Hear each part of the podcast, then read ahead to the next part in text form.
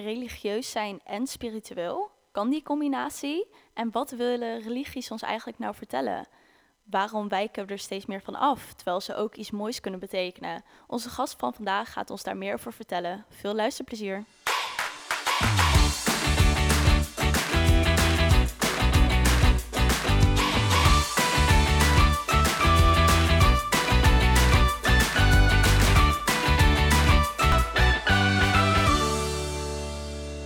Hallo lieve luisteraar, welkom terug bij een nieuwe aflevering van Charles Coaching Podcast. Vandaag ben ik met Quincy en Quincy uh, ken ik via Instagram. Een vriendinnetje van mij had uh, mij verteld ja, over haar Insta en zij is heel erg bezig met spiritualiteit, maar ook met religie. En ik vond dat een heel interessant onderwerp. Dus ik heb haar een DM gestuurd en zodoende zijn we in contact gekomen. Dus welkom Quincy, superleuk dat je deze aflevering wilde opnemen. Yes, dankjewel. Kan je iets meer over jezelf vertellen, wat je doet? Zeker. Ik ben Quincy. Ik ben inner game coach. En dat houdt in dat ik anderen help om hun volledige potentie te bereiken in het moment. Um, want ik geloof gewoon heel sterk dat alles wat je nodig hebt zit al in je. Dus in plaats van dat je het extern gaan zoeken, dat je gewoon lekker intern gaat zoeken. Plus daarbij is uh, jouw externe wereld een reflectie van jouw interne wereld. Dus vandaar ook het gezegde, alles begint bij jezelf. Dus dat is eigenlijk wat ik doe. En dat doe ik op verschillende manieren. Um, ik deel vooral heel veel gratis content, sowieso op mijn Instagram. En ik heb sinds kort ook mijn eigen podcast genaamd, de Inner Game Podcast. podcast. Yes. Uh, dus ik creëer vooral gewoon heel veel gratis waarde en daarbij verkoop ik ook producten, um, zelfhulpproducten, zodat je echt aan jezelf gaat werken. Zoals een e-book uh, met opdrachten erin of een meditatiebundel. Um, ja, zodat je gewoon in staat bent om, om zelf alles uit jezelf te halen. In plaats van dat je weer naar iets externs reikt. Nou, mooi. Mooi hoe je dat zo verwoordt. En dat je ook jezelf de inner game coach noemt. Super nice. Dat echt, ja, dat je echt zo'n eigen, eigen term hebt gecreëerd. Super leuk. Ja, het kwam gewoon in me op. en kan je ons wat meer vertellen over hoe jouw eigen journey hierin is gegaan? Jazeker. Um, ja, vanaf kinds af aan had ik eigenlijk altijd al uh, gevoelens of eigenlijk een soort van knowing, gewoon weten dat er iets was, ook al kon ik het niet weten. Uh, dus dat zat er vanaf kinds af, al, kinds af aan al in. En een voorbeeld is bijvoorbeeld um, ja, dat, dat mijn ouders me ergens naartoe wilden nemen, maar dat ik van tevoren altijd al wist waar naartoe. Of dat ik al bepaalde voorgevoelens had over een event dat zou plaatsvinden in de toekomst. Dus niet een hele toekomst natuurlijk, maar gewoon af en toe. En ja, als kind zijnde ben je daar natuurlijk niet zo bewust van. Dan denk je gewoon, ja, is gewoon normaal. Iedereen heeft dit. En ja, toen ging ik naar de middelbare school. En daar kwam het natuurlijk helemaal niet ter sprake. Um, alles rondom spiritualiteit of diepgang. En toen heb ik het ook een beetje weggestopt, want ja, je wilt er natuurlijk, als ik voor mezelf spreek dan, een beetje bij horen. En dan wil je niet het buitenbeentje zijn. Dus ik heb het toen weggestopt, omdat ik me er een soort van voor schaamde. Iets wat super dom is natuurlijk, staat helemaal maar wel logisch, op die leeftijd ook hoor. Ja, tuurlijk. Maar sowieso als iemand nu luistert die hetzelfde ervaart, ja, fok echt die andere. Gebruik gewoon wat je hebt. Maar ja, zo stond ik er toen dus nog niet in. En toen ging ik van school af en langzamerhand begon het toch steeds meer terug te komen dat ik die voorgevoelens had. Mijn intuïtie werd alleen maar sterker en sterker. Ik kon het gewoon niet meer negeren. En ja, mijn moeder begon toen ook haar spirituele journey. En zij heeft me er eigenlijk ook wel een beetje in meegenomen, als in opnieuw aangewakkerd. Dus mijn interesse begon er ook meer uh, meer in te komen. En ja, ik ging er gewoon veel meer aandacht aan besteden. Aan spiritualiteit, aan de connectie die ik zelf had met de bron.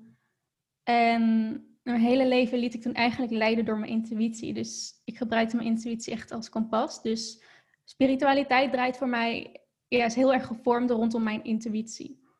Uh, dat, ja, dat is gewoon echt mijn kompas. Dat heeft me altijd naar de juiste dingen geleid. Mijn intuïtie heeft altijd gelijk gehad. Echt altijd. En ja, zodoende ben ik eigenlijk gekomen waar ik nu ben. Dus vanaf kind af aan zat het er al in. Vanaf mijn zestiende ben ik er veel meer in gaan verdiepen. Dus inmiddels heb ik gewoon heel veel kennis en ervaring. Waardoor ik gewoon zelf heel goed weet wat ik voor mezelf moet doen, hoe ik op het juiste pad blijf, hoe ik uh, mijn intuïtie kan versterken en ja, hoe anderen dat ook kunnen doen natuurlijk. Hoe anderen kunnen connecten met hun eigen intuïtie. Cool, want je zegt net heel mooi van ja, toen ik 16 was, ging ik me al iets meer daarin verdiepen. Zijn er mhm. bepaalde dingen die je toen bent gaan doen of bent gaan volgen, die jou daarin uh, je intuïtie sterker hebben gemaakt en de verdieping met spiritualiteit en de bron? Ja, um, verder in mijn omgeving had ik niemand, zeker niet van mijn eigen leeftijd, die bezig was met zelfontwikkeling op welk gebied dan ook. Dus zowel mindset als spiritualiteit, als goed zorgen voor je lichaam, maar dan ook echt, echt goed zorgen voor je lichaam. Dus ja, ik, ik ben er gewoon niet echt mee opgegroeid. Maar mijn moeder begon er dus mee en zij nam bijvoorbeeld ook wel eens um, van die kaartensets in huis of boeken of zo.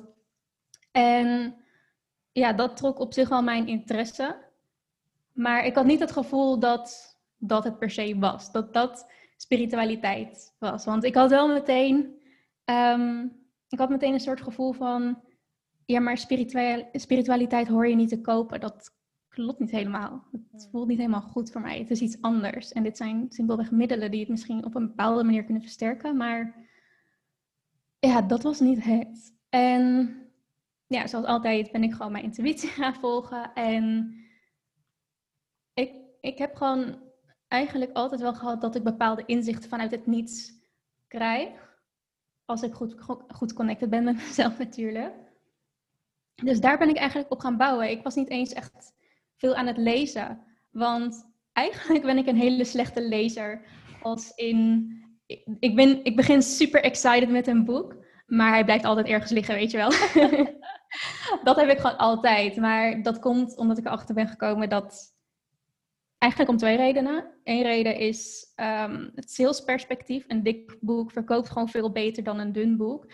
Dus in heel veel boeken vind je heel veel opvulpagina's. En ik vind het zelf soms gewoon moeilijk om daar die nuggets uit te halen. Dus zeg maar die stukjes kennis waar je echt wat aan hebt. Dat vond ik heel moeilijk. Dus daardoor had ik nooit echt zin om helemaal die moeite te doen.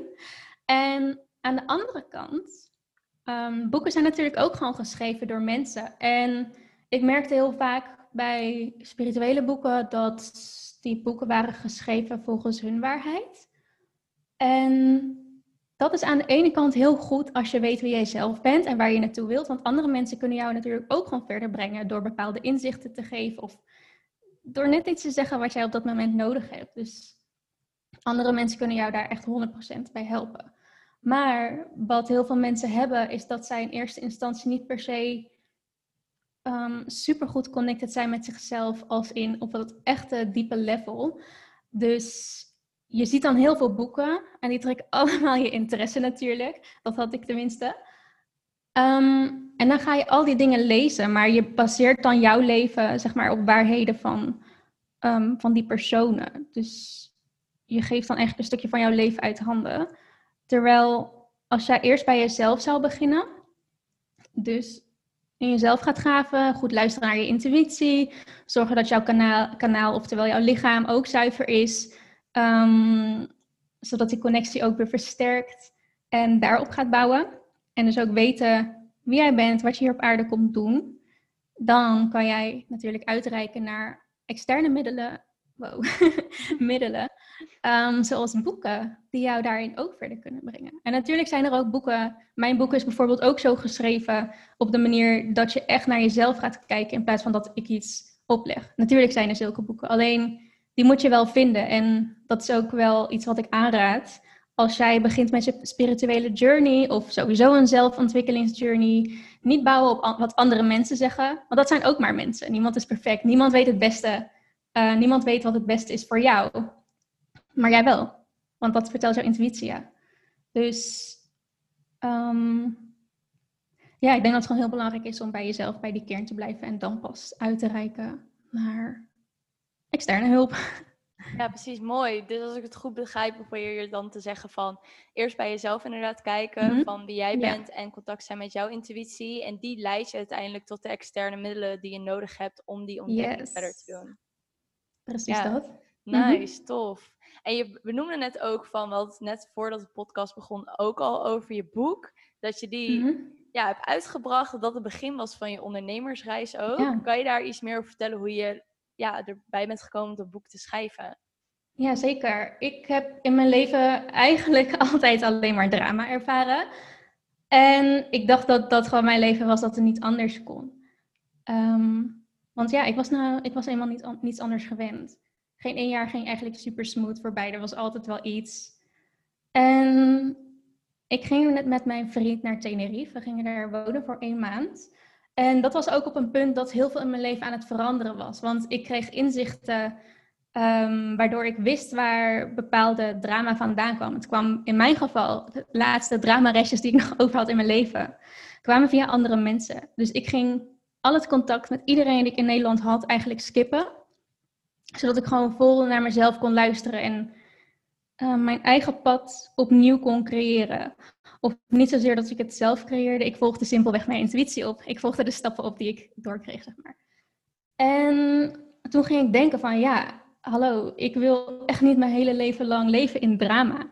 Dus ik ging nadenken naar inzichten die ik in mijn leven had gekregen. Al mijn kennis ging ik er weer bij, weer bij halen.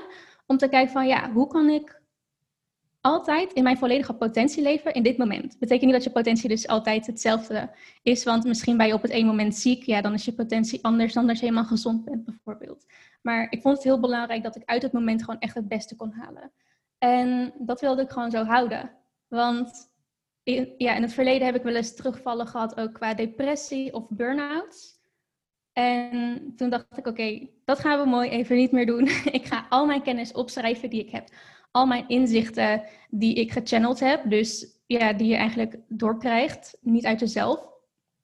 En alle kennis die ik opgedaan heb uit ervaringen, kennis die anderen met mij hebben gedeeld, kennis die ik uit boeken heb gehaald, noem maar op. Ik heb het allemaal samengebundeld. Um, eigenlijk in de vorm van een soort van guide, hoe jij dus elk moment in jouw volledige potentie kan leven.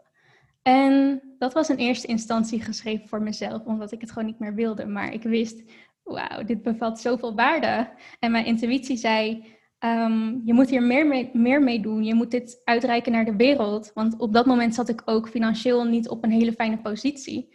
Dus wat ik deed is simpelweg luisteren naar mijn intuïtie. En ik ging een beetje peilen op mijn Instagram. Ik had toen, denk ik, rond de duizend volgers um, die wel actief waren, want ik deelde al regelmatig waarde. Um, dus ik ging peilen, ja, oké, hoe zouden zij erin staan? Zouden zij ervoor openstaan? Willen zij dit hebben? Nou, het antwoord was heel duidelijk, ja. dus ik begon mijn pre-orders en ondertussen was ik natuurlijk nog aan het schrijven. En ja, eigenlijk vanaf het moment van de release en ook al met de pre-orders, was het een veel groter succes dan wat ik had verwacht. Ik dacht, oké, ja, het zou leuk zijn als ik misschien 25 stuk zou verkopen, maar het werden er veel meer. En toen zag ik gewoon, ja, ik zag gewoon nieuwe kansen in uh, om mijn leven ook weer naar de next level te brengen met dit. Door, ja, door iets te doen waar mijn hart echt ligt, wat echt mijn passie is, wat echt mijn missie is, om daar ook van te kunnen leven. En zodoende ben ik dat steeds meer gaan uitbouwen. En ben ik me daar meer op gaan focussen. Uiteindelijk ook mijn baan opgezegd. Mede omdat, ja, wat ik zelf doe, kan ik allemaal online doen. Ja. En ja, waar we het hier vooral over hadden. Ik woon momenteel in Valencia. Um, ik had een lange afstandsrelatie toen met mijn vriend. Dus een van mijn doelen was ook om naar Valencia te verhuizen. En mede dankzij dat ene moment in het verleden, dus toen ik op Tenerife was en niet wist wat ik moet met, moest met mijn leven en mijn intuïtie opvolgde om dit boek te schrijven, daardoor sta ik nu waar ik nu sta. Daardoor is het mij gelukt om naar Valencia te verhuizen, om een baan op te zeggen, om hiervan te leven. Natuurlijk is het allemaal nog startend. het is echt nog niet dat ik miljoenen verdien of zo. Maar het begin is er. En dit is gewoon een heel mooi voorbeeld van wat je kan bereiken door naar jouw intuïtie te luisteren. En niet te kijken naar wat anderen doen, maar simpelweg opvolgen wat jouw intuïtie jou vertelt. En dat is eigenlijk mijn verhaal van hoe ik hier. Yeah, ja, echt hoor. Ik kom er even want dat is echt gewoon super mooi ook hoe je dat benoemt. Gewoon dat dat het allerbelangrijkste is. En dat je intuïtie zoveel kan zeggen. En ook wat je al eerder benoemde met uh, dat alle informatie die je nodig hebt om een bepaalde kant op te gaan, zit al in je. Maar vaak zijn mensen zo erg geneigd om dan een hele omgeving te vragen van, mm jouw situatie bijvoorbeeld, oh ja, zou ik ook naar Valencia verhuizen? Terwijl je voelt dat het kan Mhm. en dat je het wilt, maar dan ga je eerst aan tien mensen vragen of je het wel zou willen. Ja, dat is echt zo. Echt veel mensen zijn zo. En ik eerst ook. Maar ja, waar we het net ook over hadden, mensen zijn gewoon mensen. En zij vertellen dingen vanuit hun perspectief. Hun waarheid is van hun perspectief. Maar dat betekent niet dat het van toepassing is op jouw leven. Precies. Voor jou. Ja, en daarin gewoon echt je eigen weg gaan volgen. Dat brengt je zoveel verder. En dat van jou is zo'n mooi voorbeeld daarvan. Echt waar. Ik ben er ook heel blij mee met hoe het allemaal is gelopen. Ja, dat geloof ik. Dat is echt. maar ik kan gewoon niet de credits aan mezelf geven. Het is. Ja, deze podcast gaat natuurlijk over spiritualiteit en religie. Dus ik denk dat het ook wel een mooi bruggetje is om daar een beetje naartoe te gaan. Ehm, naar hoe ik die guidance ontvang. Want ik denk dat iedereen die naar jouw podcast luistert, wel weet dat er meer is dan alleen de aarde en het fysieke lichaam. Yes. en ja, spiritualiteit begint altijd bij jezelf. En bij deze connectie die jij hebt met de bron. En de bron, voor mijn gevoel, is voor iedereen hetzelfde. Alleen je hebt verschillende religies, verschillende stromingen ook bi- binnen spiritualiteit, die deze bron willen bereiken. Ehm, ik bedoel verschillende manieren hoe je bij deze bron kan komen, hoe je die connectie zeg maar kan bereiken en ook versterken. En intuïtie is eigenlijk, ehm, is eigenlijk een, een energie die door jou heen werkt. Je hebt natuurlijk verschillende vormen van, ehm, van intuïtie, want je kan bijvoorbeeld ook intuïtie opbouwen door ervaringen die je hebt gehad in het verleden. Dus die daardoor een bepaalde intuïtie creëren, zodat je bijvoorbeeld niet meer in een gevaarlijke situatie terechtkomt of zo. Dus meer een soort van ehm, wat dieren ook hebben. Hoe heet dat? Instinct is het dat meer. Uh, maar de intuïtie waar wij het nu over hebben, dat is hoe ik het ervaar.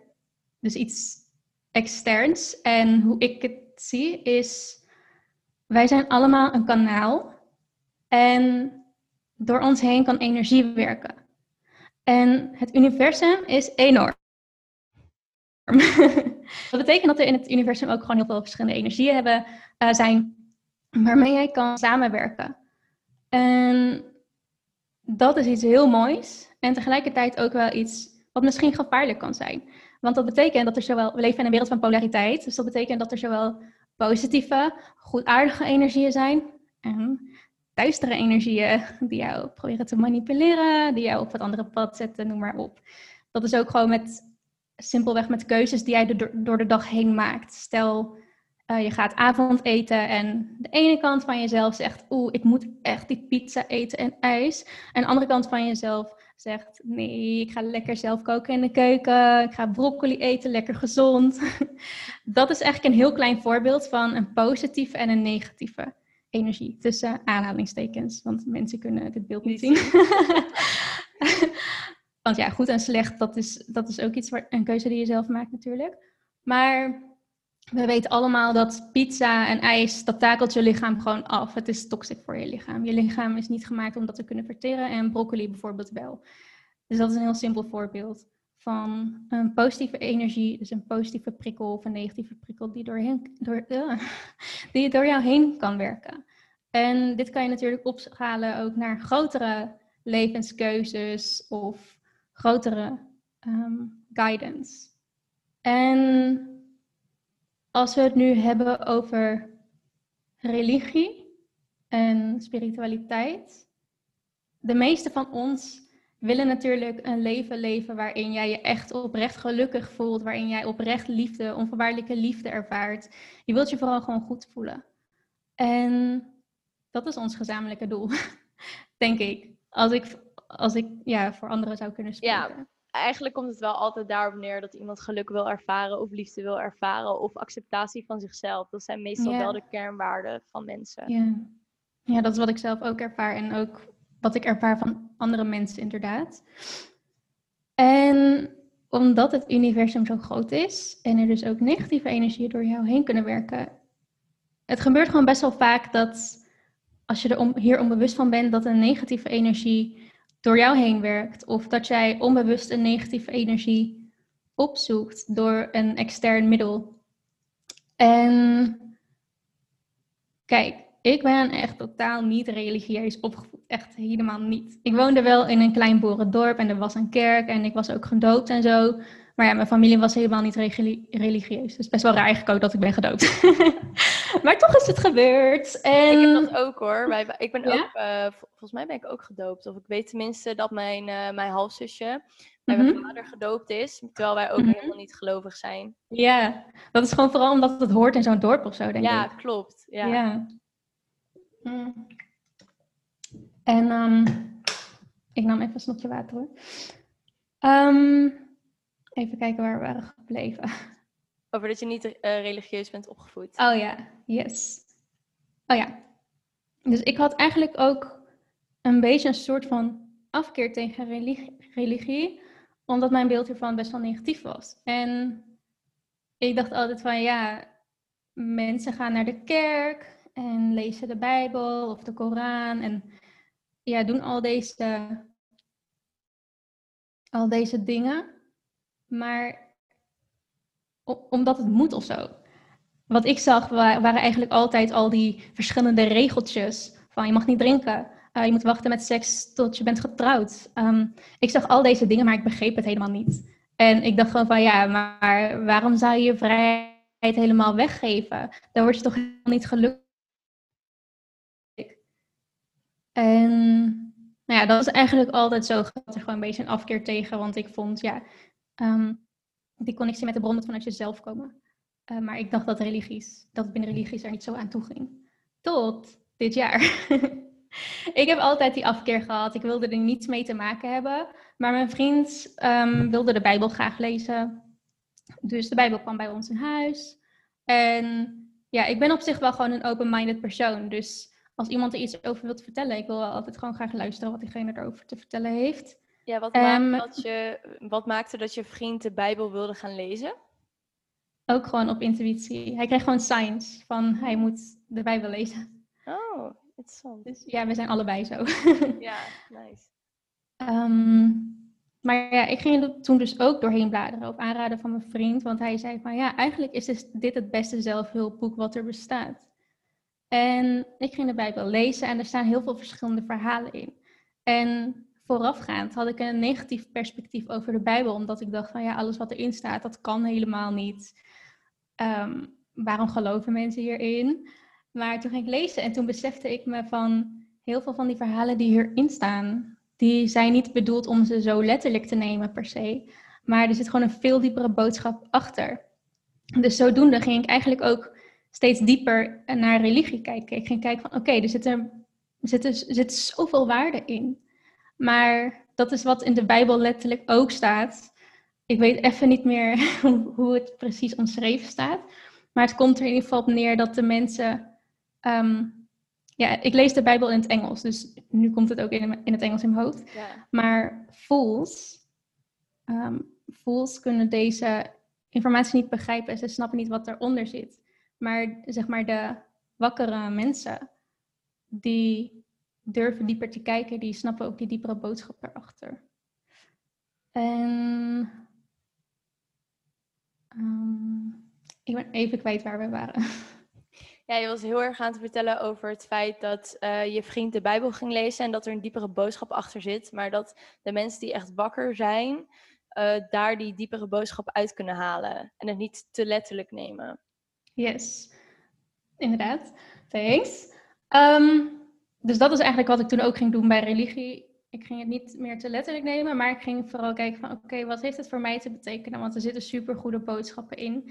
En ik kwam erachter dat de Bijbel en de Koran bijvoorbeeld waarschijnlijk ook. Het is een soort van blueprint, een guide, hoe jij op het juiste pad kan blijven.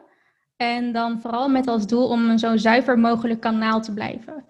Dus um, Kijk, er staat misschien wel ergens in van, ja, alcohol is niet goed voor je en dit is niet goed voor je en dat is niet goed voor je. Maar het is vooral belangrijk om te weten waarom dat zo is. Want als je het niet snapt, ja, dan ga je het ook niet doen. Dan ga je er gewoon scheid aan hebben. Ga je gewoon lekker drinken elke avond. Ja, precies. ga je die kant op. Maar ik ging daarop doordenken. En het is eigenlijk heel erg logisch waarom het in de Bijbel staat dat je bijvoorbeeld eh, niet mag drinken. Ik weet eigenlijk niet of het zo letterlijk in de Bijbel staat hoor. ik heb hem ook nog niet uit. Ehm, maar het is in ieder geval dus ook heel belangrijk om daarachter te gaan zoeken. Want wat alcohol doet, is het zorgt er letterlijk voor dat jij niet meer volledig in ja, connected bent met jezelf. Waardoor jij meer gaat openstaan, ook voor andere energieën. Dus een energie kan veel makkelijker door jou heen werken. Je gaat vaak domme dingen doen, noem maar op. Alcohol is gewoon toxic, dat weten we allemaal. Het is gewoon super slecht ook voor ons leven. En je ego onze komt heel erg omhoog, ook zo fijn. Ja, ja, dat. En al die regels waar ik eigenlijk die afkeer tegen had, blijken dus eigenlijk juist hele goede regels te zijn om jezelf gewoon ja, clean te houden, om gewoon een, een clean kanaal te blijven. En natuurlijk, het is altijd jezelf, je eigen keuze of je deze regels ook wil toepassen of niet. Want ik geloof heel erg dat het wel echt vanuit jezelf moet komen. En ik merkte zelf ook dat binnen religies, er zijn eigenlijk heel veel verschillende stromingen, dat wist ik eerst ook niet echt. Maar de stroming die ik had ervaren was religie based on fear. Dus je handelt heel erg vanuit angst. Als je dit en dit en dit niet doet, ja, dan ga je naar de hel. Veel succes. Ja. Ehm, maar die omkeer is bij mij gewoon heel erg gemaakt, omdat ik erachter kwam dat eigenlijk mijn hele spirituele pad is gewoon hierop gebaseerd. Is gewoon gebaseerd op een, een zuiver kanaal zijn. Is gebaseerd op de boodschappen ontvangen vanuit de bron. Want ja, de bron weet natuurlijk het beste ehm, wat het beste is voor mij. En ik heb gewoon eigenlijk altijd die samenwerking gehad. Dus toen durfde ik ook gewoon mezelf wat meer open te stellen tegenover religie. En nog niet zo heel erg lang geleden uh, ben ik ook naar een bijeenkomst gegaan, een Christ Ambassador bijeenkomst in Rotterdam. En dat was echt de best experience ever. het was niet dat je in een, in een echte, echte kerk zat, dat je stil zit, een verhaal voorleest, dat je bijna in slaap valt. Nee, deze mensen hadden zoveel vuur in zich. Ze waren zo gepassioneerd. Ik moest bijna huilen. Gewoon door, oh. door al die energie die er was. Ja. En het was zo mooi. En ik voelde zoveel liefde en zoveel kracht. En wow. ik voelde echt die Holy Spirit waar ze het steeds over hadden. Ik voelde dat ik ja, werd gesupport. En je was daar samen met elkaar. En je wilt gewoon het beste voor elkaar. Je wilt gewoon unstoppable zijn. Je wilt gewoon die abundance ervaren.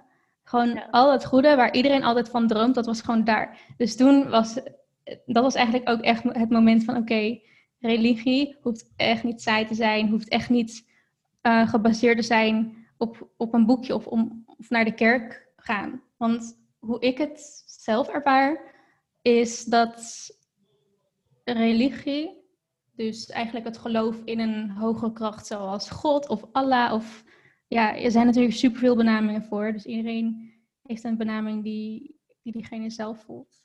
Maar ja, dat is gewoon, het is, het, is, het is net als een relatie eigenlijk met een persoon, alleen dan met jouw creator. Want wij hebben onszelf niet gecreëerd, wij komen ergens vandaan. Dat voel ik gewoon in alles. Ik weet dat wij niet God zijn. Sommige mensen hebben ook zoiets van, we zijn allemaal God. En die heb ik nooit echt gevoeld, als ik eerlijk ben. Maar we zijn wel bijvoorbeeld een creatie van God. En God is niet een oude man die ergens boven op een wolkje zweeft, weet je wel. Maar ik zie dat vooral als een soort van energie of een soort locatie of zo. Snap je wat ik bedoel? Want zie je dat ook allemaal als hetzelfde? Uh, de bron, Allah, mhm. God? Ja, ja, ik denk het wel. En kijk, ik ben, ik ben ook een mens. Ik weet ook niet alles. Maar dit is hoe ik het zelf ervaar. En misschien zijn er wel verschillende goden die verschillende groepen mensen hebben gecreëerd. Misschien is er wel een losse God, uh, als in ja, God die bij het christendom hoort, en een losse God die Allah heet, die bij, uh, bij de islam hoort. Misschien zijn er wel verschillende goden dan. Je weet het natuurlijk niet. Maar wat ik wel gewoon heel erg ervaar is dat binnen elke religie we ervaren allemaal hetzelfde. Want wat we willen, als jij echt in je volledige potentie wil leven, dan is het gewoon heel belangrijk om, om dat kanaal te zijn, om te vertrouwen op je intuïtie, dus die boodschappen door te krijgen vanuit jouw creator. En om daarnaar te leven, dat is binnen religie wat we allemaal eigenlijk aan het doen zijn.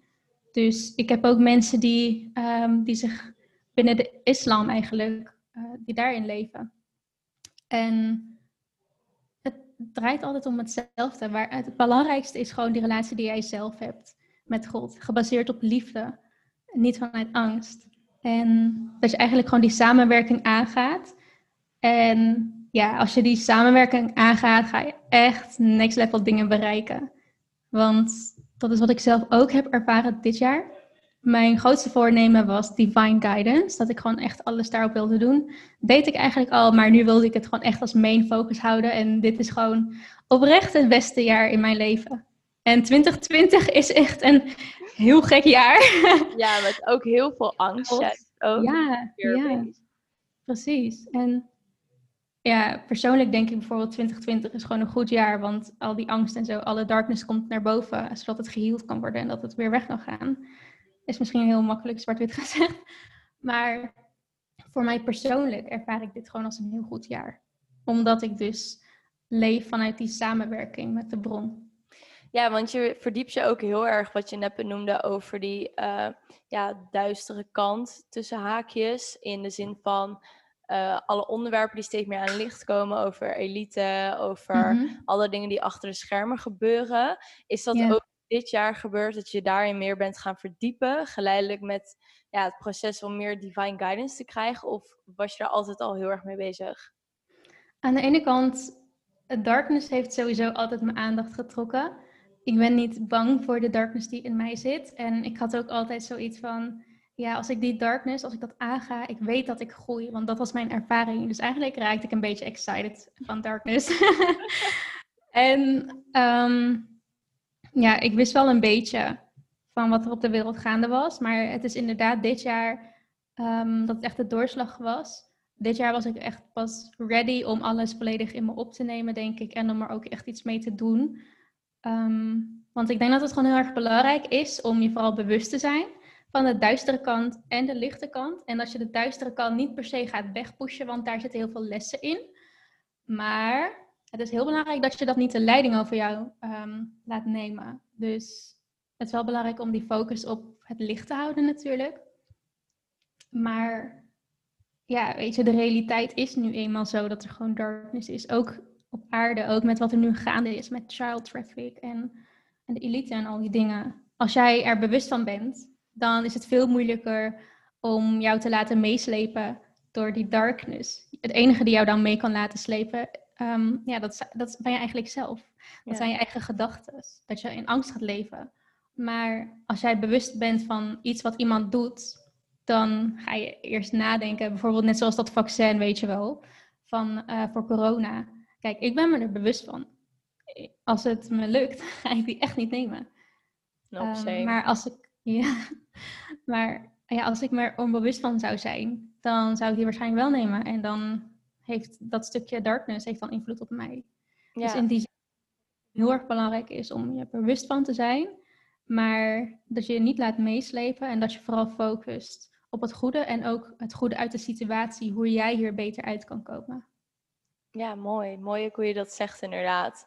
Het blijft ook, ja, ik vind persoonlijk ook zo dat het wel zo is dat je er wel bewust van mag zijn. Het hoeft niet te zijn dat je er helemaal ingaat of het helemaal laat overheersen. maar wel het bewustzijn hebben van hé, hey, wat gebeurt er op dit moment? En mhm. wat ligt er allemaal nou achter? Dat je ook vooral je eigen onderzoek doet. Ik had mhm. ook iemand die vertelde ook dat hij in een Facebookgroep zat waarin er heel veel um, gedeeld werd over die onderwerpen. Maar dat er soms ook fake news werd geplaatst. Mhm. Om te kijken of mensen wel echt hun eigen onderzoek deden. En dat, mhm. iemand, dat mensen dan gingen reageren van, haha, dit is fake, weet je wel. En dat dan mhm. die Facebookgroep zat van, oké, thanks, je doet nog wel je eigen onderzoek. Je neemt niet alles aan voor wat het is. En dat is natuurlijk wel heel erg belangrijk hierin ook. Sowieso, 100%. En ik snap ook wel dat niet iedereen altijd zin heeft om dat onderzoek helemaal te doen. Maar ik denk ook weer hierbij dat het heel erg belangrijk is om ook op jouw gevoel te vertrouwen. Ik zelf heb bijvoorbeeld, ik, ja, ik voel soms dingen gewoon super sterk aan. Dan hoef ik niet eens meer echt onderzoek te doen als in me helemaal verdiepen in artikelen en dit en dat. Ik weet het gewoon. En ik ga altijd wel een beetje onderzoek uit natuurlijk. Maar het wordt, mijn intuïtie wordt altijd gewoon bevestigd. Dus dit laat ook gewoon weer zien van als jij er gewoon voor zorgt dat jij een zuiver kanaal bent. En dat jij leert vertrouwen op je eigen intuïtie in plaats van wat andere mensen zeggen, dan heb je ook altijd een soort van waarheidsfilter of iets Ja, voor jezelf.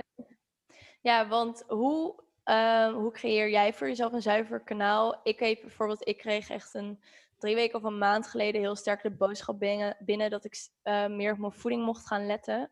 Mhm. Omdat dat natuurlijk ook een van de redenen is waardoor je lichaam sterker wordt. En Ja. daarbij kreeg ik als eh, boodschap ook dat als ik dat niet deed, dat mijn lichaam niet sterk genoeg zou zijn om alle energie binnen te krijgen die ik mag ontvangen voor de aankomende tijd. Ja. Dat was bijvoorbeeld, daarom ben ik nu ook met Ayurveda bezig. ja, nice, ik zag het. Ja, ja vandaag is de detox begonnen. Ik merkte al Yes. gelijk, ik had de eerste maaltijd op en het was al gelijk, oh, ik voelde het gelijk overal dat alles aan het cleansen was. Ja. Maar dat was voor mij bijvoorbeeld nu een heel belangrijk punt om me daarop te focussen. Mhm. Ik ben nieuwsgierig van, wat doe jij dan daarvoor ook? Ja, ook. ehm, kijk, je bestaat uit, hoe ik het zie, je bestaat uit drie delen. Dat zijn mind, body en spirit. Dus dat zijn de drie belangrijkste eh, kanalen of aspecten die jij clean moet houden. Dus het is niet of het een of het ander, want het staat altijd in verbinding met elkaar. Dus wat jij eet, mensen zeggen ook altijd niet voor niets, eh, je bent wat je eet. Natuurlijk letterlijk, omdat jouw lichaam zich daar, eh, daarna vormt. Maar bijvoorbeeld je gut, je, je, je darmstelsel, staat ook weer in verbinding met je mind. Dus als jij heel veel crap eet, is de kans ook veel groter dat je veel meer negatieve gedachten hebt. En ehm, daarbij, daaroverheen valt natuurlijk het energetische aspect. Dus als jij heel veel fastfood eet, fabrieksvoedsel, ehm, ja, wat ik nu ga zeggen, kan misschien triggers veroorzaken. Maar vlees, dat zijn letterlijk, ja, het is gewoon letterlijk een stukje lijk. Dus het is gewoon heel logisch dat de vibratie daarvan gewoon niet zo hoog is. Nee, er zit Ehm. helemaal, er zit bijna geen vibratie in, omdat er ook geen levensenergie meer in zit. Ja, Ik- precies. ik naar Barcelona ging ook gestopt met, eh, met vlees eten. Omdat ik, ik was Nice. eh, aan het scrollen door films. En toen zag ik een docu over hoe, eh, hoe dieren geslacht worden. Ja, het is echt ziek, hè? Ja, en toen dacht ik van, Char, je eet het. Dus je mag ook wel een keer gaan kijken van hoe dat... Ja, inderdaad. Ja, dus ik, dat is ook iets heel belangrijks. Mhm. Dus ik heel braaf die docu afgekeken. En gewoon hoe ik zag hoeveel angst er in die dieren zit. Ja. En hoe vies ze zijn, hoeveel ziekten ze hebben. Denk ik, dacht ik echt, wow, dat eet je gewoon op. Maar dat word je ook Ja. gewoon. Het kan toch Ja, niet dat is echt. zijn dat je al die angst aan het opeten bent. Nee, want die angst, het zit letterlijk ook in dat, in dat stukje vlees. Want kijk, ook dat stukje vlees bestaat, bestaat uit mind, body, spirit. Nou, mind is er nu dan uit, want het dier is dood. Ja. Maar ook die energie zit er nog in. Dus als je het hebt over eh, het energetische aspect, er zit de vibratie van angst in. Er zit alleen maar lage vibraties in. Dus hoe kan je dat in je lichaam willen stoppen? Plus ehm, het fysieke aspect. Kijk, als een dier geslacht wordt, een dier weet 100% van tevoren wat er gaat gebeuren, want het voelt niet goed. Een dier heeft, een, een dier heeft zo'n goed instinct, plus ook Ja. die andere intuïtie. Dieren voelen dingen aan.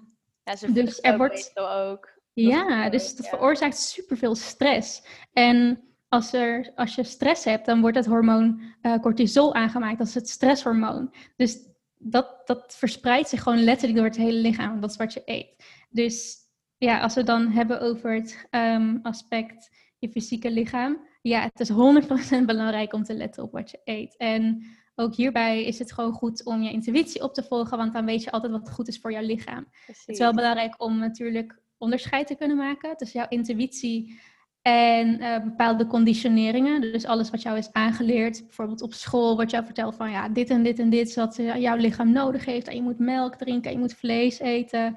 Maar als je gewoon echt goed gaat connecten met jezelf, en dat kan best een tijdje duren, dat is helemaal niet erg, dan weet jij wel wat jij wel niet zou moeten eten.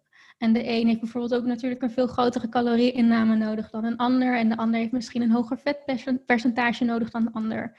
Daarom is het gewoon belangrijk om naar jezelf te luisteren. En ook op fysiek aspect, slaap bijvoorbeeld, dat is super belangrijk. Om jouw fysieke energielevel op peil te, eh, te houden. En, en beweging. En zonlicht. En ook in de natuur zijn.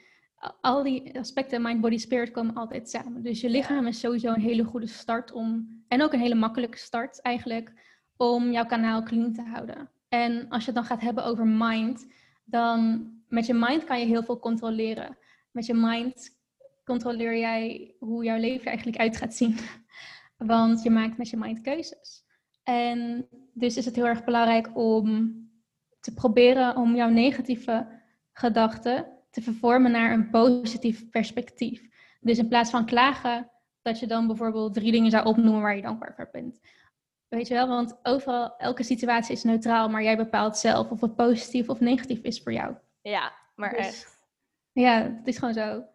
En, Ja, en het maakt al zo'n verschil als je je mindset daarin verandert. Want het mooie daarvan is ook als je dan bijvoorbeeld ergens loopt eh, in de stad en je zou iets ervaren waar je normaal over zou klagen, maar je hebt Mhm. zo erg geoefend om dankbaar voor iets te zijn, dan zie je Mhm. alleen maar eh, ja, als voorbeeld, je gaat naar de bus toe Mhm. en je bent daar zo en je ziet net de bus voorbij gaan. Je denkt, ja. Eerste reactie kan misschien zijn, shit, ik heb de bus gemist. En Ja. mensen die dan helemaal erin kunnen zitten en die, die balen zijn stekker en zagrijnen. Of je kan denken, oh, ik heb de bus gemist. Oh, nou ja, best wel prima. Dan heb ik nog even de tijd om mijn podcast af te luisteren. Of even Ja. een persoon te bellen. Of Ja, meer ruimte om me voor te bereiden voor iets. Dus het is echt jouw perspectief op dingen, inderdaad. Hoe jij Mhm. het, wat jij ervan maakt, is ook hoe je het ervaart. Ja, 100%. Amen. Ja. ja, echt. Ja, dat is echt heel belangrijk. Ehm, natuurlijk ook je mind. Ja, je, je gaat je goed voelen als je een goede mindset hebt, maar ook je maakt er gewoon betere keuzes mee. Dus dit slaat dan ook weer ehm, over op het stukje fysiek. Je maakt bijvoorbeeld dan ook weer automatisch betere keuzes voor jouw lichaam. En het laatste aspect, ehm, je energetische lichaam, dus je, ja, je spirituele lichaam, je spirit. Ehm, ja, dit is natuurlijk een wat lastiger onderwerp, omdat het gewoon, het is niet aanraakbaar, snap je? Ehm, maar een van de belangrijkste dingen is om jouw energieveld zo clean mogelijk te houden. Dus als jij beseft ehm, dat energie, dat kan zich ook uitwisselen. Dat betekent dat jouw energie kan mergen met iemand anders bijvoorbeeld. En dat zijn of haar energie ook met jou kan mergen. Dus in deze zin is het ook heel belangrijk om je bewust te zijn van de plekken waar jij je bevindt en de mensen met wie jij omgaat. Als jij veel met negatieve mensen omgaat, nou, hun vibratie, dus hun energieveld, ehm, is ook gewoon wat negatiever, kan een zeker invloed hebben op jou. Of als jij je bevindt in een gebouw waar, ja, waar gewoon een negatieve energie hangt. Ehm, ik heb bijvoorbeeld hier op een slaapkamer bij ons, daar hangt gewoon een hele negatieve, hele zware energie. Wij slapen daar ook niet meer. Dus dat is gewoon niet fijn. Maar in eerste instantie is het dus heel belangrijk om je daar wel bewust van te zijn. Want dan kan je bepaalde oefeningen doen die ervoor kunnen zorgen dat jij jouw energetische lichaam ook weer clean krijgt. En een hele makkelijke oefening is eigenlijk een soort van vorm van meditatie slash visualisatie. Is je inbeelden dat er allemaal naaldjes in jezelf eh, zitten. Dit is een oefening die je het beste wel eigenlijk dagelijks kan doen, omdat je dagelijks natuurlijk de energieuitwisselingen hebt. Ehm, is dus om je in te beelden. Dus al die naaldjes in je hebt en dan visualiseer je dat al deze naaldjes stukjes energie zijn van plekken, personen, situaties, noem maar op. En die stuur je terug vanuit liefde en healing, terug naar waar het vandaan komt.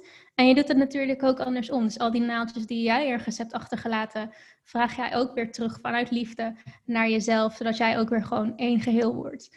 Dus ja, dat is wel een goede oefening om jouw energetische kanaal ook clean te houden. Nice. Ja, ik heb ook echt zo'n standaard oefeningetje die ik doe als ik douche, omdat je dat natuurlijk elke dag doet. Hm? Dat ik gewoon aan het wassen ben. En dan als ik met heel veel mensen ben geweest bijvoorbeeld. Want hier op Ibiza ja, ben ik niet met zoveel mensen. En al best wel Mhm. gewoon ehm, ja, chille energetische plekken. Maar als ik dan aan het douchen ben, dan was ik mezelf. En dan zeg ik ook van eh retour afzender. Dus alles wat niet van mij Ja. is, dat zend ik weer terug naar degene waarvoor het wel is. En dan echt de hele Mhm. retourtje afzender. Gewoon dat. Ja, En het ook inbeelden inderdaad. Dat ik het echt ervan afwas en weer terugstuur. Ja, want dat maakt de visualisatie natuurlijk ook gewoon veel fijner, omdat er gaat letterlijk een straal water over je heen. Ja. Dus je kan letterlijk je inbeelden dat je oude dingen of dingen die je niet nodig hebt kan wegspoelen. En je koppelt het natuurlijk ook aan een, aan een ritueel. Want als je elke dag doucht en je doet dan elke dag ook die oefening, dan gaat het uiteindelijk gewoon automatisch. Hoef je er ook niet over na te denken. Dus Nee, dat is ook heel nice. Ja,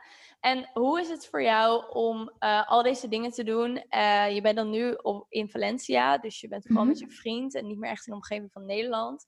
Want Ja. ik merkte bijvoorbeeld zelf heel erg dat ik het eh, heel erg lastig begon te vinden dat ik hiermee bezig wilde zijn en bepaalde keuzes wilde maken, maar dat dat niet meer paste bij ja, mijn oude leven, tussen haakjes. Mhm. En de mensen die daarbij hoorden. En dat ik nu op Ibiza even echt mijn ruimte daarin kan nemen om, uh, om te kijken wat ik daarin wil. Hoe, uh, hoe is dat voor jou?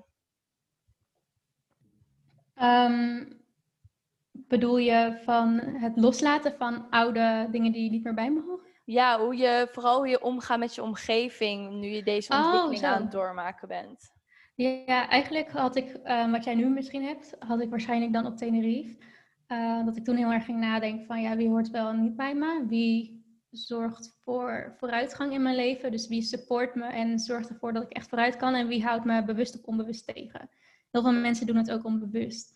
Um, want er zijn, ja, als, als, je weet dat iemand als intentie heeft om jou tegen te houden, ja, dan laat je die waarschijnlijk, diegene waarschijnlijk ook niet in je leven. Maar vaak zijn het dan ook mensen die gewoon een beetje onbewuster van zichzelf zijn en zelf ja, een toxische relatie met zichzelf hebben, waardoor ze dan eigenlijk ook niet anders kunnen dan toxische relaties aangaan met andere mensen, omdat ja, je bent zelf de kern van de rest. En inmiddels, ik kan nu zeggen, ik heb sowieso heel weinig vrienden. En dat vind ik echt niet erg. Dat vind ik heel fijn. Maar de vrienden die ik heb, sluiten volledig bij me aan. En ik kan gewoon met hen bouncen over uh, doelen die ik heb. Of over groot denken. Ze denken ook allemaal heel groot. Ik vind het heel belangrijk om een omgeving om mij heen te hebben die gewoon echt aansluit bij wie ik nu ben. Gebaseerd op waar ik nu sta en waar ik naartoe wil. En niet gebaseerd op het verleden omdat je iemand al zo lang kent of zo. Dat voelt gewoon niet goed. Ik bedoel, dit is mijn leven en ik ben verantwoordelijk voor mijn eigen geluk. En niet verantwoordelijk voor het geluk van anderen. En dat klinkt misschien heel hard, maar ja, het is wel gewoon een realiteit. Ja. Dus als ik merk dat iemand gewoon niet bij me past, dan, past, dan is het gewoon tijd voor diegene om te gaan. En ja, niet iedereen zal dat begrijpen natuurlijk, maar dat is ook niet erg. Dat is, dat is niet zijn verantwoordelijkheid. Natuurlijk wel om het een beetje netjes af te sluiten, dat wel, als het kan. Maar ja ik, ja, ik heb nu niet echt iets als in mijn omgeving die me ergens tegen inhoudt of dat ik iets lastig vind. Want de mensen die erg dicht bij me staan, die geven me juist ook de ruimte om gewoon uh, mijn ding te doen. Die verwachten niet dat ik 24-7 reageer op alle appjes. Zij weten ook gewoon dat ik mijn ding rustig aan het doen ben. En zij zijn dat ook. Dus ik denk dat het heel belangrijk is om daarin gewoon de juiste mensen te vinden. Eh, die jou hierin ook kunnen supporten. Ja, precies. En ook inderdaad die acceptatie van dat dat proces er wel in zit ook. Mhm. Ja, want dat heb ik zelf wel. Dat ik wel accepteer dat het proces erin zit, maar dat ik wel het fijn vind om nu ehm, mijn eigen gang te kunnen gaan zonder dat daar een uh, kritiek op zit of beoordeling op. Mm oh, ja, waarom kom je vrijdag of zaterdag niet drinken, weet je wel? Ja, precies. precies. Van, ja, maar daar heb ik even geen behoefte aan. Mm ik daar heel erg uh, mijn weg nog in wil vinden van dat oude stuk en dat nieuwe stuk nog samen mengen in hoeverre dat kan. Ja. nice. Alright. We hebben super veel onderwerpen besproken. Echt heel nice. Um, en het is ook nog eens zo dat we via Instagram hebben gevraagd of mensen vragen hadden over, ja, over de onderwerpen die, uh, die ik met jou ging bespreken. Mhm. En er zijn wat vragen uitgekomen. Dus ik, uh, ik ga, ga ze stellen. En de mhm. eerste vraag is, eigenlijk hebben we het daar een beetje over gehad. Um, in de zin van de bron en uh, God en Allah, dat, dat, ja, dat je dat als een geheel kan zien. En in mijn ogen heb ik ook wel toen ik meer in spiritualiteit ging ervaren dat, ja, dat het eigenlijk wel ook een beetje op een uh, religie lijkt. In zekere zin, omdat je toch wel heel erg bezig bent met uh, bepaalde intenties zetten. Uh, echt even stilstaan bij wat er is. Mm -hmm. um, en iemand had dus als vraag van, wat is het verschil tussen religie en spiritualiteit? Um, in principe, ja, ligt eraan vanuit welk perspectief je kijkt. Maar vanuit mijn, mijn perspectief is er niet echt veel verschil. Um, waar we het net ook over hadden, het universum is enorm. Er zijn zoveel wegen die je kan bewandelen. En religie focust zich er eigenlijk alleen maar op dat je gewoon op het juiste pad blijft, zonder afleidingen. Dus je gaat ook niet, ja, je gaat niet echt aandacht besteden aan die, aan die negatieve energieën, aan die duistere energieën die jou proberen af te leiden van het pad. Want je hebt gewoon één grote focus. En dat is de samenwerking met de bron, waardoor jij ten alle tijden gewoon precies de juiste guidance ontvangt, zodat jij gewoon je dromen kan waarmaken, zodat je gewoon in volledige potentie kan leven. Dus in mijn ogen is dat het verschil. Als in, het is gewoon al eigenlijk een soort van guide die je eigenlijk alleen maar hoeft op te volgen. En dan niet op basis van wat andere mensen zeggen, maar op basis, basis van je eigen intuïtie en je eigen relatie met deze bron. Ja, mooi. Dankjewel voor het antwoord. En daar, daarop ingehaakt uh, is, ging er ook een vraag over hoe je in contact komt met de bron of met het mhm. universum, God. Voor mij mhm. werkt bijvoorbeeld mediteren heel erg goed. Ik weet niet uh, of jij nog iets anders hebt dat daarbij helpt. Ja, ik denk dat mediteren wel voor heel veel mensen um, een heel goed begin kan zijn. En iedereen is anders, dus dit is ook een advies wat eigenlijk gewoon iets heel persoonlijks is. Maar het meest universele antwoord is denk ik wel uh, meditatie. En dan vooral op basis van energie en niet zozeer um, gericht op mindset en mindfulness, dat je per se stil moet zijn. Maar dat je juist probeert te connecten met je heart space. Dus je kan bijvoorbeeld gewoon je hand op je hart leggen. In het begin voel je waarschijnlijk nog niet. Dat had ik ook niet. Het kan gewoon echt even duren. Het is gewoon, ja, it's about dedication en gewoon volhouden. Ja, dat wil ik en ook uiteindelijk. Oh, ik wil zeggen, dat wil ik ook nee, meegeven over mediteren. Van blijf het gewoon oefenen, want dat ja. echt niet in een paar dagen. Het heeft echt nee, precies, ja. Nee, 100%. Ik mediteer nu ook, ja, ik denk wel meer dan zeven jaar, zeven, acht jaar. Dus voor mij gaat bijvoorbeeld gewoon die connectie gaat super makkelijk. Ik kan nu gewoon, ik, als ik nu al denk aan die connectie, ik voel het al. Met de bron of met mijn hart. Dus het is gewoon echt een kwestie van tijd. En als je gewoon focust op je hartspace en de energie wat je daar uh, omheen voelt, dan hoef je eigenlijk alleen maar mee te connecten en de rest gaat zich waarschijnlijk wel vanzelf uh, leiden. En ik heb hier ook wel een visualisatieoefening voor die eerst heel veel heb gedaan en soms nog steeds doe als ik er even niet goed in kom. Dat is simpelweg visualiseren, dat er vanuit jouw crown chakra, dus je kruin op je hoofd, um, dat er een lijn gaat diep het universum in naar een plek die jij voelt. Dus waarschijnlijk dan de bron. En dat je daarmee visualiseert dat er bijvoorbeeld uh, een witte energie of een gouden energie of wat voor energie dan ook, dat het door jou heen stroomt. En je kan dan bijvoorbeeld vragen om guidance. Uh, je kan vragen stellen, je kan vragen om protection. En het is ook belangrijk, denk ik, om niet te veel te focussen dat je alles moet ervaren binnen die meditatie. Want het doel van die meditatie is het uitlijnen van die connectie. Het, die connectie aangaan. Dus door de dag heen, of door de week heen, of door de maand heen, of wanneer dan ook, um, zorg je ervoor dat je dus um, dankzij die connectie de juiste inzichten ook ontvangt. Dus niet te veel focussen op die meditatie, maar gewoon wel focussen op, ja, op die connectie. Ja, mooi dat je dat zegt, want dat ervaar ik ook uh, ervaar ik ook met meditaties dat ik dan bezig ben en dat ik inderdaad een vraag stel. Uh, bijvoorbeeld iets in de richting van: ik zou graag uh, guidance willen ontvangen over een mhm. nieuw creatief idee.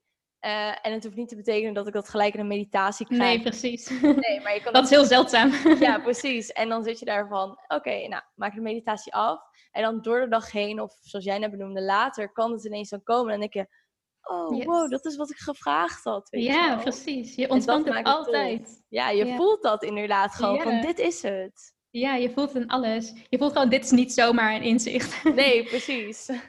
Ja, ja super mooi. Ik hou, ik hou echt van dat soort momenten. Ik had ook een keer met twee hm. vriendinnen een gesprek erover. Toen uh, zeiden ze van ja, maar bedenk je dan soms niet gewoon in je hoofd dat het zo moet of zo? Of dat Bro, nee. nee. nee. ik zat ook van je voelt dat echt. Je voelt het gewoon. Je weet het aan alles dat dit het ding is, de sign is of het inzicht is wat jij gewoon zocht. Je, je weet het gewoon. Er is gewoon geen twijfel over mogelijk. Je weet nee, daarom. Ja, gewoon iets intuïtiefs ook.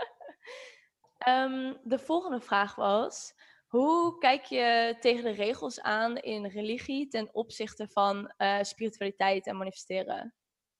Mm, ik denk dat er gewoon heel veel eigenlijk overeenkomt. Ook als je, kijk, ik heb alleen ervaring met de Bijbel. Ik heb de Koran nog niet gelezen bijvoorbeeld. Maar ook daarin staan gewoon echt belangrijke golden nuggets wat betreft manifestatie. Ehm, dus ik denk niet zozeer dat er per se regels zijn, als in die je per se moet opvolgen.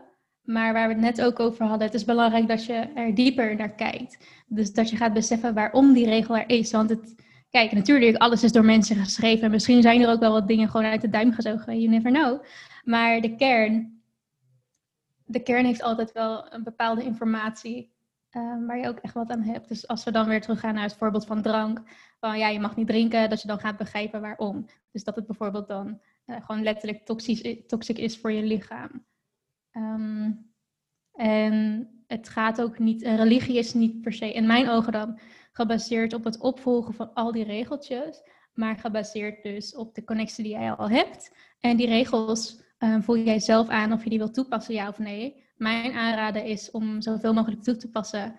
Ehm, wel als je het helemaal begrijpt en voelt natuurlijk.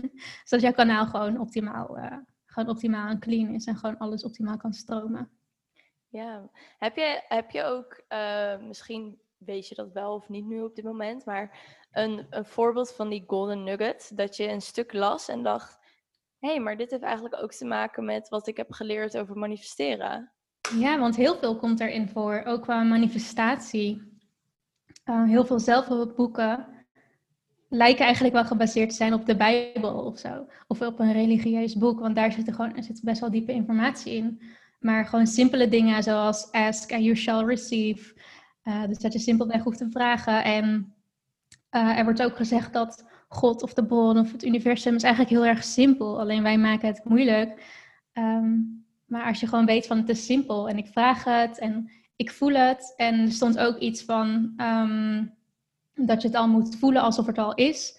Nou, ik denk dat heel veel mensen van ons dat al wel kennen als je een beetje bezig bent met manifestatie. Maar dat soort, dat soort dingen staan erin. En ook um, dat je de kingdom van, de kingdom van God, um, ja, het rijkdom van God, dat je daarin komt als je je inner child hebt unlocked.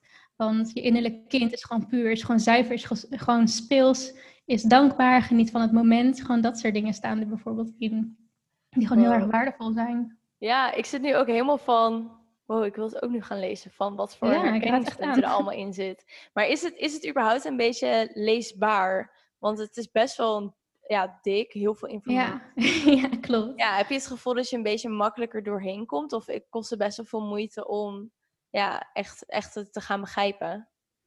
Persoonlijk lees ik er heel makkelijk doorheen. Als het nu gaat over de Bijbel, je hebt het Oude en het Nieuwe Testament. Het Oude Testament, als ik het goed begrijp, is gebaseerd op, uh, op God en de creatie van de aarde en de mensheid. Het Nieuwe Testament of het Tweede Testament is meer gebaseerd op het leven van Jezus. En um, ja, er zijn al verschillende mensen die zijn leven beschrijven. Maar ja, of je nu wel of niet gelooft in dat Jezus echt heeft bestaan. Kijk, ik weet het ook niet. Um, misschien is het gewoon meer een soort van metafoor. Je weet het nooit. Maar in ieder geval in het Tweede Testament is alles gewoon heel duidelijk omschreven. En daar kom je ook echt die, die goede nuggets tegen.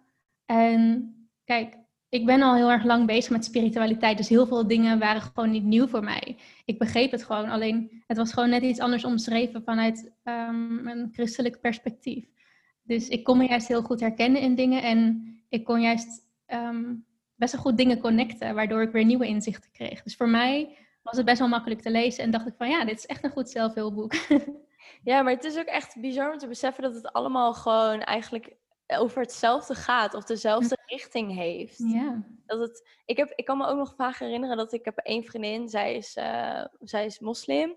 En toen mhm. hadden we het ook over, over religie. En toen zei ik ook iets in de richting van ja, het, het, als je aan het bidden bent, dan ben je heel erg bezig met je focus en je intentie ergens op neerzetten. Hetzelfde als je doet als je spiritueel bezig bent, dat je mhm. toch even gaat zitten en bij jezelf gaat voelen van oké, wat wil ik uh, door deze dag heen meemaken of gaan doen. Dus het heeft allemaal die innerlijke kern en terug bij jezelf gaan en het geloof in dat er iets meer is dan alleen wat het oog ziet. Ja, precies. Want Bidden is iets wat zo powerful is, maar als je een afkeer hebt tegen religie en je hoort het woord bidden, dan wil je er echt niets mee te maken hebben. Maar wat bidden eigenlijk is, het is gewoon meditatie, maar um, met meer een focus. Dus dat je met een bepaalde, uh, bepaalde intentie eigenlijk die meditatie instapt. Je intentie is bijvoorbeeld divine guidance, dus dat je de juiste inzichten op het juiste moment krijgt.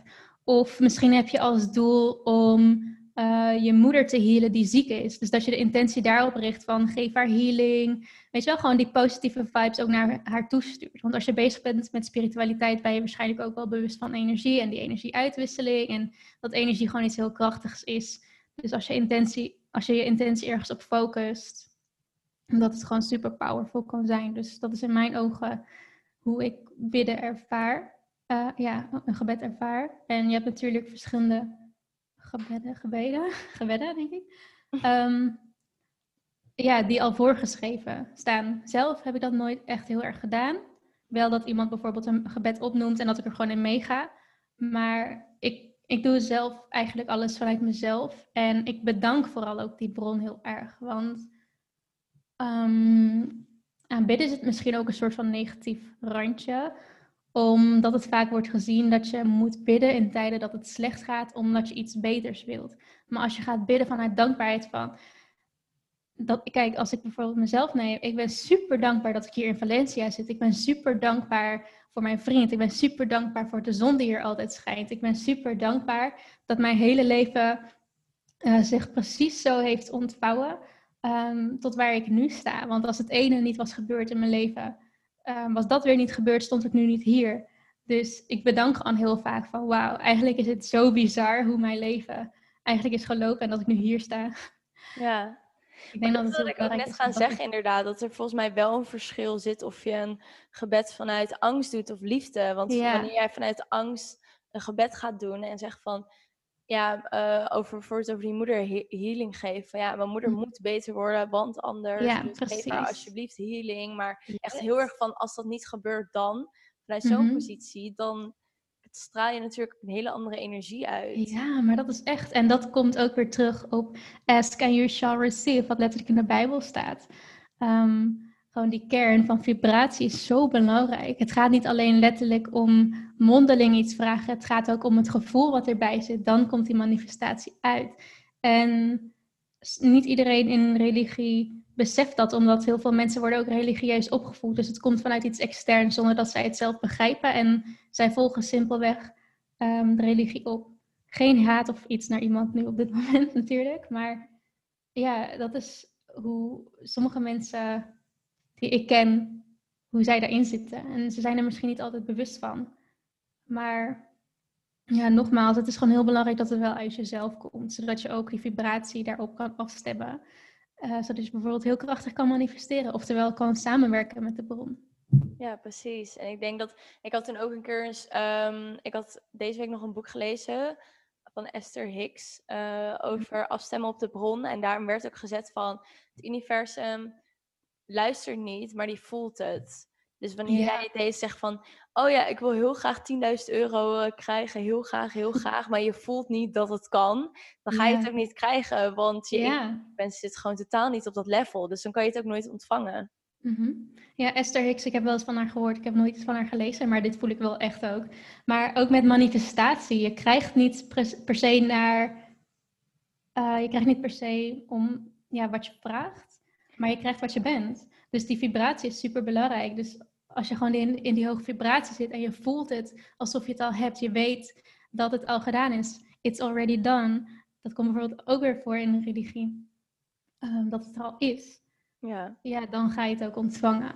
Maar als jij er al vanuit gaat dat het er is en dat het een negatieve uitkomst heeft, ja, dan ga je dat ook ontvangen. Ja, en ik, ik had toen ook een podcast opgenomen over manifesteren. En ik zat toen ook in die podcast van even alles weer horen. Dacht ik ook van, het is zo bizar dat je alles gewoon zelf creëert. En dat is ook mhm. waar ik gewoon achter sta. En ook heel graag aan mensen wil meegeven van, jij creëert je eigen leven door de manier hoe je met dingen omgaat en er kijkt, erbij voelt. En mhm. met wat voor mensen je omgaat. Gewoon alle dingen die we net hebben benoemd je creëert het allemaal zelf. En wanneer je dat doorhebt en dat je daar ook zelf verandering in kan brengen, dan, dan krijg je zo'n mind is mhm. blown moment. Yes. Ja, eerst dacht ik ook van je creëert het echt allemaal zelf, maar je creëert het in samenwerking met de bron, want jij hebt er alleen maar om te vragen, maar je moet wel zelf het werk doen natuurlijk om jouw vibratie goed te houden. Dus dat is het werk wat je erin stond. En alles wat je dan uitstraalt, krijg je terug. Ja, het is gewoon een reflectie. Ja, mooi. Even kijken. Oh ja, deze vond ik ook nog wel een mooie vraag. Um, was ook nog een vraag van hoe interpreteer je de Bijbel en pas je dat toe in je leven of gebruik je dat op een bepaalde manier? Ehm, ja, ik interpreteer het niet per se super letterlijk. Sommige dingen wel, omdat het gewoon super letterlijk staat van ja, dit en dit en dit en zo werkt het. Maar er staan ook gewoon heel veel verhalen in die voor mijn gevoel ergens symbool voor staan. Dus dan is het belangrijk om je eigen intuïtie er ook weer bij te betrekken om zelf te gaan aanvoelen van ja, oké, hoe zit dat dan? En ja, nogmaals, waar we het de hele tijd ook over hadden gehad, de Bijbel ehm, is eigenlijk ook gewoon een soort van guide om jou clean te houden, om je kanaal clean te houden, zodat je gewoon uh, um, die verbinding met de bron gewoon super sterk hebt. Dus in die zin, ja, ik pas het toe.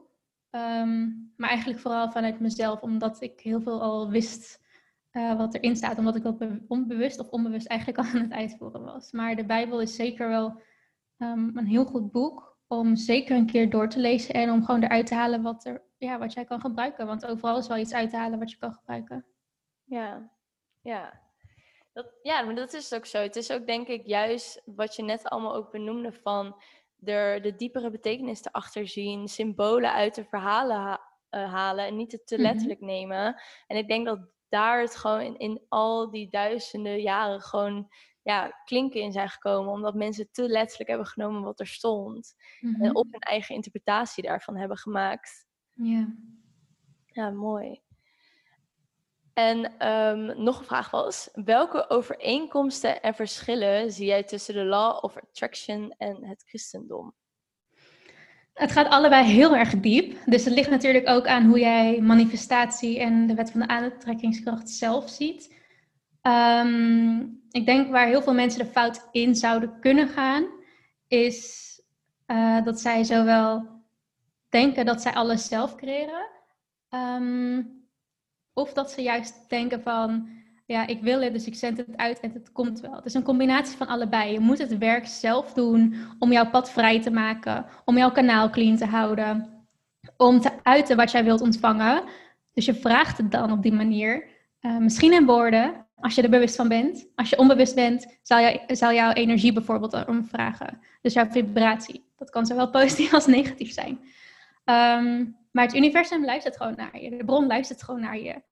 Um, je krijgt gewoon waar, waar je om vraagt. Dus ja, ik, ik weet niet of er echt veel verschillen in zitten. Maar ik denk dat het gewoon heel belangrijk is om um, te kijken naar welk perspectief je hebt. Ja. En zodat je daaruit gewoon ook hier optimaal gebruik van kan maken. Want er zijn natuurlijk heel veel universele wetten. En als je die universele, universele wetten opvolgt en begrijpt, zoals eh, de wet van karma, de wet van het geven, de wet van aantrekkingskracht, noem maar op. Uh, als je die allemaal begrijpt, dan zal je automatisch gewoon goed communiceren met de bron en een zuivere uh, lijn zijn daarin. Ja. Ja, dat was super grappig. Je was net aan het vertellen. En toen moest ik ook gelijk weer denken aan dat zinnetje die je uit de Bijbel al eerder had benoemd van ask and it is given. Or, ja, uh, dat is echt zo. Het is zo makkelijk. Eigenlijk. Ja, en ik bedacht ook net ineens dat je hebt dus ook een boek van, van Esther Hicks en, en haar mm -hmm. man. Die heet ook Ask and it, and it is given. Over oh, nice. is gegeven. Ja, en die gaat ook helemaal daarop in. Dus daar heb je ook weer toch die connectiepunt. Dat, het, mm-hmm. dat, ja, dat is een heel spiritueel boek, maar het gaat toch wel over hoe je iets kan ontvangen als je erom vraagt. Ja, ik denk gewoon inderdaad, dat, ja, dat hebben ze mooi gezegd, maar dat we vooral niet te egoïstisch moeten zijn alsof wij de enige creators zijn. Uh, want dan ga je gewoon snel de mist in, ook als ik spreek over mezelf. Want dat dacht ik in het verleden ook. Ik dacht van, wow, ik manifesteer het allemaal zelf. Ja, nee, en natuurlijk, je moet echt wel het werk doen. Want als jij op de bank gaat zitten en je vraagt van... Ja, ik wil de liefde van mijn leven ontmoeten. En je werkt niet aan jezelf, weet je wel. Of je blijft gewoon echt letterlijk zitten op die bank en komt nooit buiten. Ja, hoe, hoe wil je dat voor elkaar krijgen dan? Ja, precies. dus je moet wel gewoon... Het is een combinatie. Jij vraagt erom. En de bron laat jou eigenlijk zien wat je moet doen om daar te komen. Dus de bron geeft jou eigenlijk een soort van guide om het op te volgen. En jij doet het werk. En zo heb je die samenwerking. Ja, precies. Oh, ik had net iets in mijn hoofd, maar ik ben het even kwijt. Ik zat echt zo te luisteren. Toen dacht ik, oh, ik wil nog iets moois hierop zeggen. Maar misschien komt dat zo nog wel. ja. Altijd zo'n momentje zegt even dat je dan denkt van... Fuck. en de laatste vraag was: wanneer besefte je dat jij de leider van je geluk bent? Want je boek heet Leider van je geluk, toch? Ja. Ja, goede vraag, leuke vraag. um, ja, dat gaat eigenlijk best wel een hele tijd weer terug. Uh, in het verleden dacht ik heel vaak, of nee, eigenlijk dacht ik het niet, want ik was er gewoon onbewust van. Maar ik liet mensen gewoon altijd de leider zijn over mijn geluk. Uh, want je ouders zeggen dit, de school zegt dat, de vrienden zeggen dit. Maar het is eigenlijk een geleidelijk proces geweest. En ook het moment, op het moment dat ik dat boek aan het schrijven was, wist ik gewoon van, ja, daarvoor afgaan eigenlijk nog, of voorafgaand eigenlijk nog. Uh, omdat ik dus die guide wilde creëren voor mezelf. Omdat ik wist dat ik het zelf in mijn hand had. ehm, ja, ik denk dat dat wel echt het doorslaggevende punt is, want vanaf dat moment is het eigenlijk ook goed gegaan. Natuurlijk heb ik wel eens nog in die tijd dingen meegemaakt die moeilijk waren. En het is ook helemaal oké om even wat negatieve emoties te ervaren, want dat kan ook gewoon onderdeel zijn van healing. Dus je moet sowieso niets onderdrukken. Maar al die tijd um, weet ik wel van ja, ik heb gewoon alles zelf in de hand. Dus of het nu goed of slecht gaat, uiteindelijk zorg ik er wel weer voor dat ik zelf de leiding heb. Dat ik zelf bepaal um, wat mijn destiny is. En ja, dat ik gewoon het leven leef waarin mijn geluk centraal staat. Oh, mooi, maar ook heel nice dat het juist ook toen je het boek had geschreven, dat het toen echt heel erg naar voren kwam. Dus je echt dacht van ja, maar dit is het ook echt. Ja. En ik weet trouwens weer wat ik net wilde zeggen. Yay. weer teruggekomen, yes. nice. Wat ik wilde zeggen was, je zei heel mooi van uh, dat we het, ja, tuurlijk moet je de actiestappen zelf ondernemen, maar het is niet allemaal van onszelf. Ik heb mm -hmm. toen ook, had ik een gesprek met iemand hierover, dat um, dat zij um, uh, bezig was om zichzelf te werken. Maar zij uh, was niet de hele tijd dankbaar voor wat ze kreeg. Want je hoort ook heel vaak, ja, het is wel belangrijk om je dankbaarheid te uiten. Ja, 100 procent. Ja, voor wat je ontvangt. En dat haar gidsen ook echt boos op haar waren. dat, dat ze gewoon niet, niet dankbaar was geweest. En dat zij zei van, ja, uh, je gaat maar eerst dankbaar voor ons zijn. Want uh, ja, dit is niet hoe het werkt, weet je wel. Ja, sowieso. Ja, dus dat, daar moest ik ook gewoon aan denken. Van ja, ik heb het toen ook één periode ja, gehad. Het was echt in een week dat alles net iets minder soepel verliep. En dat ik toen aan mediteren was en iets vroeg. En dat het eerste was van, nee, ga maar eerst dit en dit en dit doen. En dan mag je weer terugkomen. Het was ik echt zo ja. oké, okay, sorry. oké, okay, sorry. Ja. Maar oprecht, dat is echt zo. Want als jij niet dankbaar bent in het moment waar jij nu staat, zal jij ook nooit echt geluk ervaren op het volgende level. Want ja, ten eerste, je kan dan ook niet naar het volgende level. Want um, soms krijg ik bijvoorbeeld ook wel eens reacties op mijn content op Insta. Want ik post regelmatig over hoe je jezelf kan verbeteren. En dan krijg ik reacties van ja, maar hoe het nu is, is het toch ook goed. En dit is toch ook belangrijk wat je nu hebt. En dat is ook helemaal niet wat ik zeg dan. Want het is zo belangrijk om te beseffen wat je nu hebt. Dat is juist de basis om door te gaan naar iets wat nog beter aansluit bij jou. Dus je kan het eigenlijk gewoon zien als, als levels, denk ik. Ja, um, maar dat is je... het ook. Het is ook eigenlijk. Ik had toen dat boek gelezen, Timebender. En daarin vertellen ze ook heel erg van dat het eigenlijk gewoon een spel van het leven is. En dat ja, je gewoon verschillende levels hebt. En dat er een balans is tussen negatief en positief. Mm -hmm. En ik had ook wel een mooi moment dat ik een, uh, dat ik een spel ging doen met een groep mensen. En dat ging over geld. Dat je dan elke dag mocht gaan opschrijven dat je bijvoorbeeld vandaag 100 euro hebt en dat mm -hmm. je dan opschrijft waar je al die 100 euro naar uitbesteedt. Dan 200, mm -hmm. dan 300, telkens verdubbel je het bedrag. En toen zei iemand dus, die daarvoor had gezegd, voordat we het spel gingen doen, ja, ik zou graag uh, 8000 euro per maand willen krijgen of 6000 euro. Mm. En toen zei ze echt zo van, ja, maar als ik dan 5000 euro heb, waar moet ik dat dan uitbesteden? En toen zei ik echt zo van, oké, okay, maar je wilt heel graag 6 of 8000 euro. Maar als je dat spel gaat spelen, weet je eigenlijk niet eens waar je het aan uit wil geven, weet je wel? Yeah. Maar wel dat verlangen hebben er naartoe, terwijl je eigenlijk in je mindset totaal niet weet hoe je dat je bent daar. Ja, in realiteit gaat brengen. Mm -hmm. Ja, want dat is ook heel mooi dat je dat nu vertelt eigenlijk. Want dat is ook weer een heel, hele mooie les wat je hieruit kan halen. Want we zijn allemaal geboren met bepaalde passies en bepaalde missies en bepaalde verlangens die daarop aansluiten. Dus stel, ik zou nu, ik zou nu heel graag een bekende actrice willen worden. Niet dat ik goed kan acteren, maar dit is gewoon een voorbeeld. ik zou heel graag dat willen worden en die fame en al dat geld lijkt me geweldig. Maar wat als je dat nu, precies nu, nu, nu, zou ontvangen. Je bent er nog niet klaar voor. Al die fame die jij opeens krijgt, dat kan super overwhelming zijn. Je kan daardoor in depressies raken. Daardoor ga je misschien aan de drugs. Uh, waardoor jij niet eens meer kan acteren. Dus jouw hele wereld stort in. Waardoor jij weer moet verhuizen uit jouw veel te grote mooie villa. dat jij ergens weer in een, in een sloppenwijk of zo. Ja, dat dan ook weer niet. Maar ergens moet gaan wonen waar jij ongelukkig voelt. En dat je zo weer terechtkomt in die negatieve spiraal. Dus het is super belangrijk Um, natuurlijk om toekomstvisies te hebben over waar je naartoe wilt.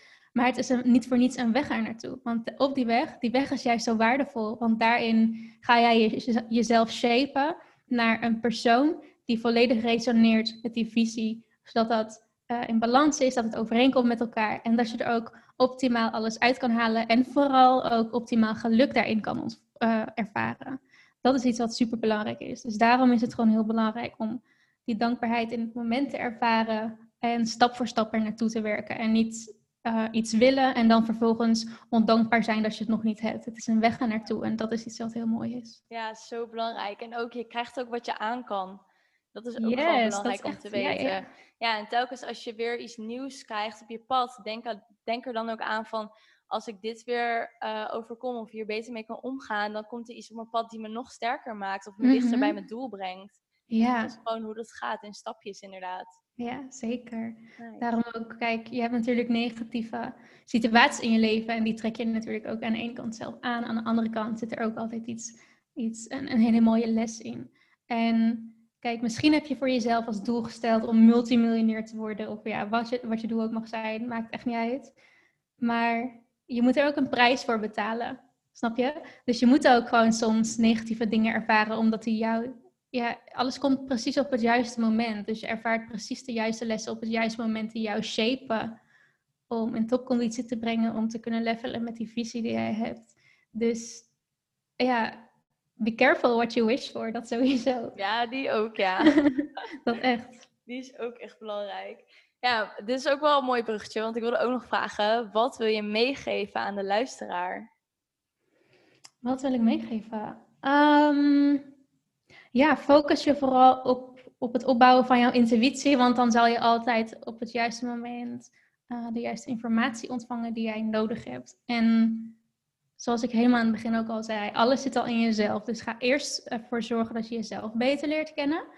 Uh, dat je dieper in jezelf gaat graven. Dat je bijvoorbeeld um, doet aan diepgaande zelfreflectie. En dat je gewoon een duidelijker beeld krijgt van wie je echt bent. Op een veel dieper niveau dan wat jij nu gewend bent. Want er zijn nog steeds, er zijn altijd blind spots. Sorry. Blind spots. uh, dus dingen in jezelf die je niet kan zien.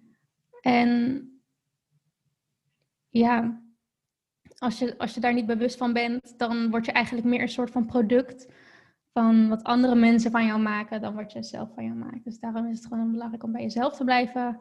Dus als je wilt investeren in jezelf, ga dan op zoek naar coaches, naar producten die ervoor zorgen om het beste uit jou te halen.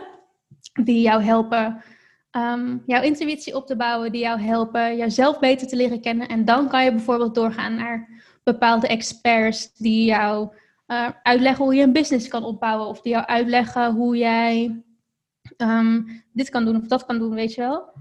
Maar het belangrijkste, ben, ja, jij bent gewoon letterlijk het, de kern van je bestaan. Dus jij bent altijd het belangrijkste van alles. Dus dat is wat ik de volgers, of ja, de luisteraars wil meegeven. Mooi, heel mooi gezegd. Ik denk dat het ook echt wel eentje is die, uh, die als luisteraar misschien zelfs kan opschrijven en op kan reflecteren van welke actiestappen kan ik nu op dit moment nemen nadat ik uh, ja. deze podcast heb geluisterd of deze boodschap heb meegekregen van Quincy. Sowieso, alle, met alle informatie die jij opneemt. Kijk, kennis is natuurlijk wel leuk, maar ja, het krijgt pas echt waarde als je er iets mee gaat doen. Dus als je inzichten krijgt, is het gewoon heel nice om dat voor jezelf op te schrijven. Dan kan je er zelf nog een beetje op doorbouncen. En daarna kan je er ook actiestappen aan koppelen, zodat je het ook daadwerkelijk kan toepassen. Want anders heb je niet zoveel aan de kennis. Ja, precies. En dat is het ook echt. En je kan ons natuurlijk ook even laten weten wat je hieruit hebt geleerd door bijvoorbeeld een screenshot te maken van de uh, podcastaflevering en mij en Quincy te taggen. We zouden het super leuk vinden om gewoon te weten, ja, we hebben zoveel onderwerpen besproken, dus gewoon leuk van wat heb je nou echt meegenomen? Uh, wat is bij je bijgebleven of wat ga je na deze podcastaflevering anders doen dan dat je ja, voorheen had gedaan als je het niet had geluisterd? En ja, je kan ook altijd een recensie achterlaten op iTunes. Dat is ook altijd leuk om te zien. En dan ga ik hierbij uh, afscheid nemen van uh, Quincy. Nee, afscheid. Doe je zo. Klinkt gelijk zo, zo serieus. ja. Yes. En dan uh, spreken wij elkaar sowieso nog een keer. En dan zeggen we nu yes. tegen luisteraar.